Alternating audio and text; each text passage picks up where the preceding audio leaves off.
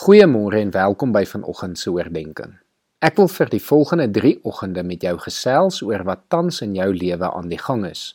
Ek wil jou nooi om jou lewe deur die volgende paar oggende te assesseer en dan te besluit wat jy dalk moet verander of wat moet jy nou doen. Ek gaan met 3 eenvoudige konsepte werk om jou te help om dit te doen. Vanoggend staan ons stil by alarms. Ons almal gebruik 'n alarm eers in ons lewe al is dit net om wakker te word en op te staan.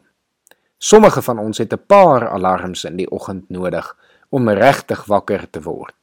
Wie ook al die snoesknoppie ontwerp het, het baie van ons erg ingedoen. Maar alarms word ook gebruik om ons te waarsku wanneer daar gevaar is, soos wanneer iemand probeer inbreek.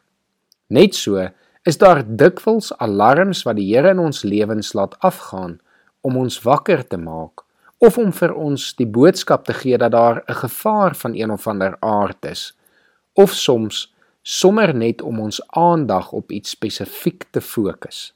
Daarom sê Efesiërs 5 vers 14 tot 17 vir ons en as iets bekend geword het is dit in die lig en daarom sê die lied word wakker jy wat slaap en staan op uit die dood en Christus sal jou lewe verlig Wees baie versigtig hoe jy lewe.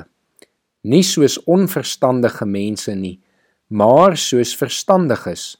Maak die beste gebruik van elke geleentheid want ons lewe in 'n goddelose goddelose tyd. Moet daarom nie onverstandig optree nie, maar probeer te weet te kom wat die Here wil dat jy moet doen. Soms het ons nodig om wakker te skrik en te besef wat in ons lewens aan die gang is, sodat God ons lewe weer op die pad kan sit waar hy ons wil hê. Dit is presies wat ons vanoggend en in die volgende twee oggende wil doen. Ons gaan vra, wat wil die Here nou vir ons hê? Vandag vra ons, watter alarms is besig om in ons lewens af te gaan? Hierdie alarms wat afgaan, is soms sag en subtiel en dit is vir ons moeilik om agter te kom. En ander kere is dit oorverdowend en kan ons dit nie ignoreer nie. Ek wil jou vanoggend vra om na jy die boodskap geluister het, tyd te maak om stil te gaan word en oor jou lewe te reflekteer en te vra watter alarms het die laaste ruk in jou lewe afgegaan wat jy dalk gemis het. Watter alarms is tans besig om af te gaan en hoekom? Bid rustig daaroor, lees jou Bybel en vra die Here dat hy jou in hierdie proses sal lei. Alarms kan op die ouende enige iets wees, 'n krisis wat opduik, 'n siekte, 'n moeilike gesprek, konflik, 'n tema wat in jou Bybelstudie of gesprekke of net in die lewe in geheel herhaal. Raak bewus van wat die Here die laaste ruk aan jou probeer kommunikeer. Raak bewus van wat in jou lewe besig is om te gebeur en vra die Here om jou oë oop te maak vir die alarms wat rondom jou afgaan. Kom ons bid saam.